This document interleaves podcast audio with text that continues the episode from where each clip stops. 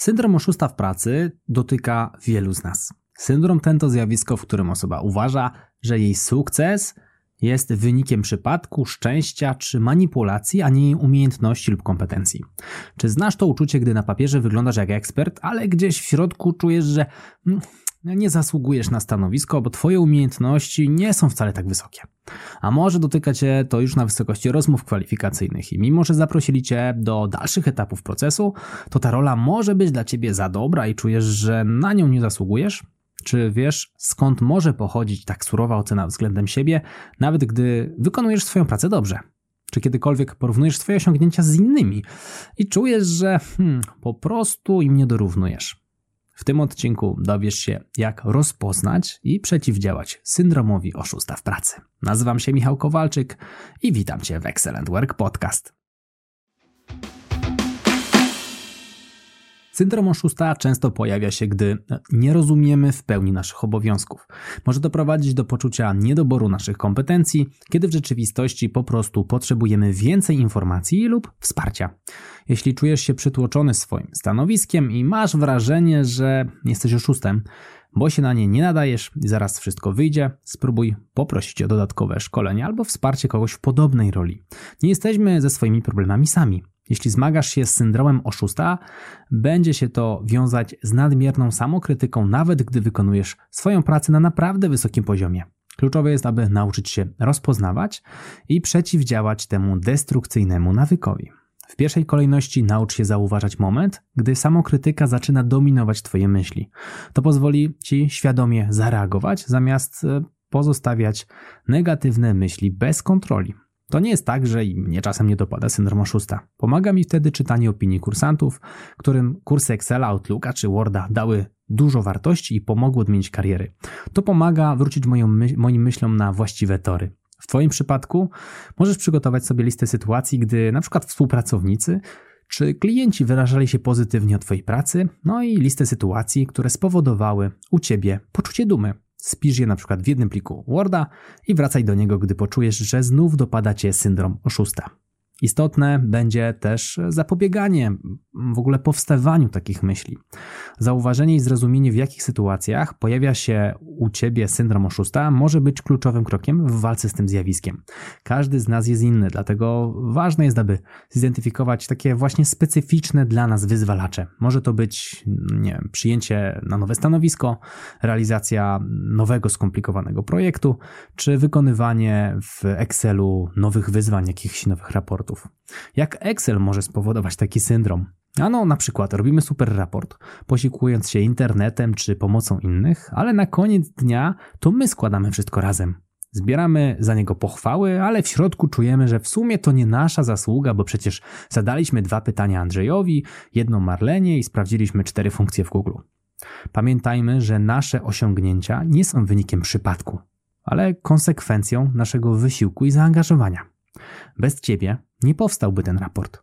Sukces ma to do siebie, że gdy się go już osiągnie, no to z boku wygląda jakby był no, prosty do powtórzenia. Oglądając media społecznościowe, mało kto pokazuje codzienną, żmudną pracę, treningi, porażki i upadki. Widzimy raczej, no wiecie, awanse, nowe stanowiska, wakacje, domy, samochody, no i inne sukcesy. To kreuje poczucie łatwości dojścia do takiego miejsca. Nic bardziej mylnego. Za sukcesem często stoją litry potu, wyrzeczenia, setki godzin nie wiem, studiowania, nauki i praktyki. Łatwo to potem zbagatelizować jednym, no w sumie to udało mi się to zrobić.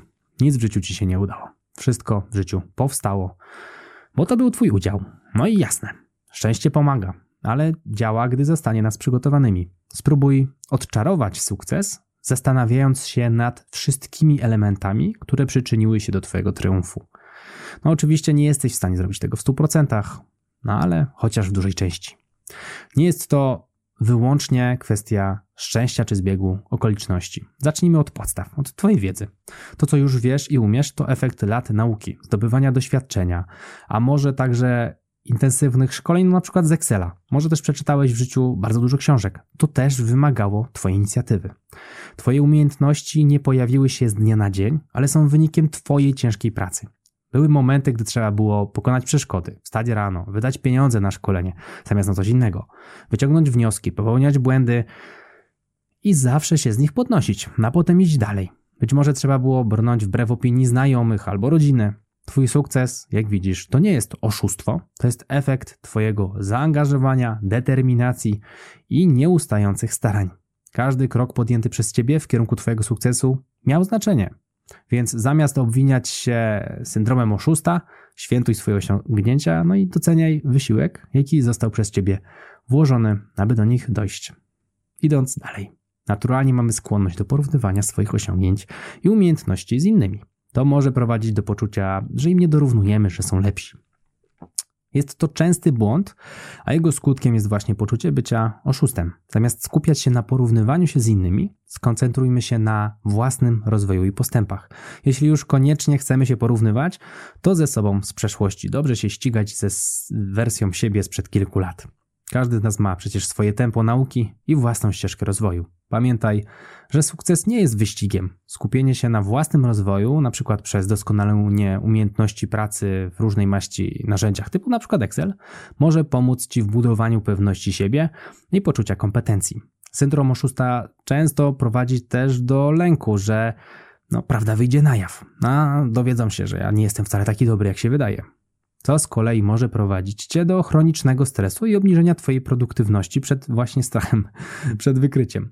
Istotne jest jednak, aby no, zdać sobie sprawę, że błędy i niepowodzenia, które może po drodze w procesie nauki e, powstają, to normalna rzecz. Nie są one żadnym dowodem oszustwa. Bez błędów no, nie ma rozwoju. Jeżeli się nie mylisz, to znaczy, że niczego się nie uczysz. Zamiast bać się, odkrycia, spróbuj patrzeć na błędy jak na okazję do nauki i udoskonalenia swoich umiejętności. Czy to jest nauka Excela, która może z początku wydawać się trudna, sam program może wydawać się złożony, czy dowolny inny zestaw nowych umiejętności. Każde niepowodzenie jest kolejnym krokiem do opanowania nowego tematu. To właśnie błędy prowadzą nas do prawdziwego mistrzostwa i wzrostu efektywności naszej pracy. Niepopełnianie ich no, oznacza raczej stanie w miejscu niż jakiś postęp.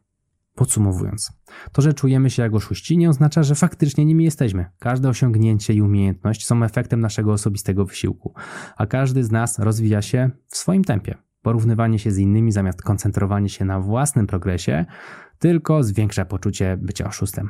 Warto pamiętać, że sukces nie jest wyścigiem, a nauka, czy to Excela, czy innych umiejętności, to proces, w którym niepowodzenia są naturalnym jego elementem. Błędy są okazją do nauki i udoskonalania umiejętności, a nie dowodem na to, że oszukujesz i wcale nie jesteś taki dobry. Podchodzenie do nich z taką postawą może pomóc w budowaniu pewności siebie, zwiększeniu poczucia kompetencji i podniesieniu Twojej efektywności pracy. Jeżeli chcesz nauczyć się nowych umiejętności, sprawdź kursy na stronie naukaexcela.pl, link w opisie. A jeśli podobał Ci się ten odcinek, wyślij go proszę do jednej osoby. Mówił dla Ciebie Michał Kowalczyk, a to był Excellent Work Podcast. Do usłyszenia lub do zobaczenia w kolejnym odcinku. Trzymaj się, hej!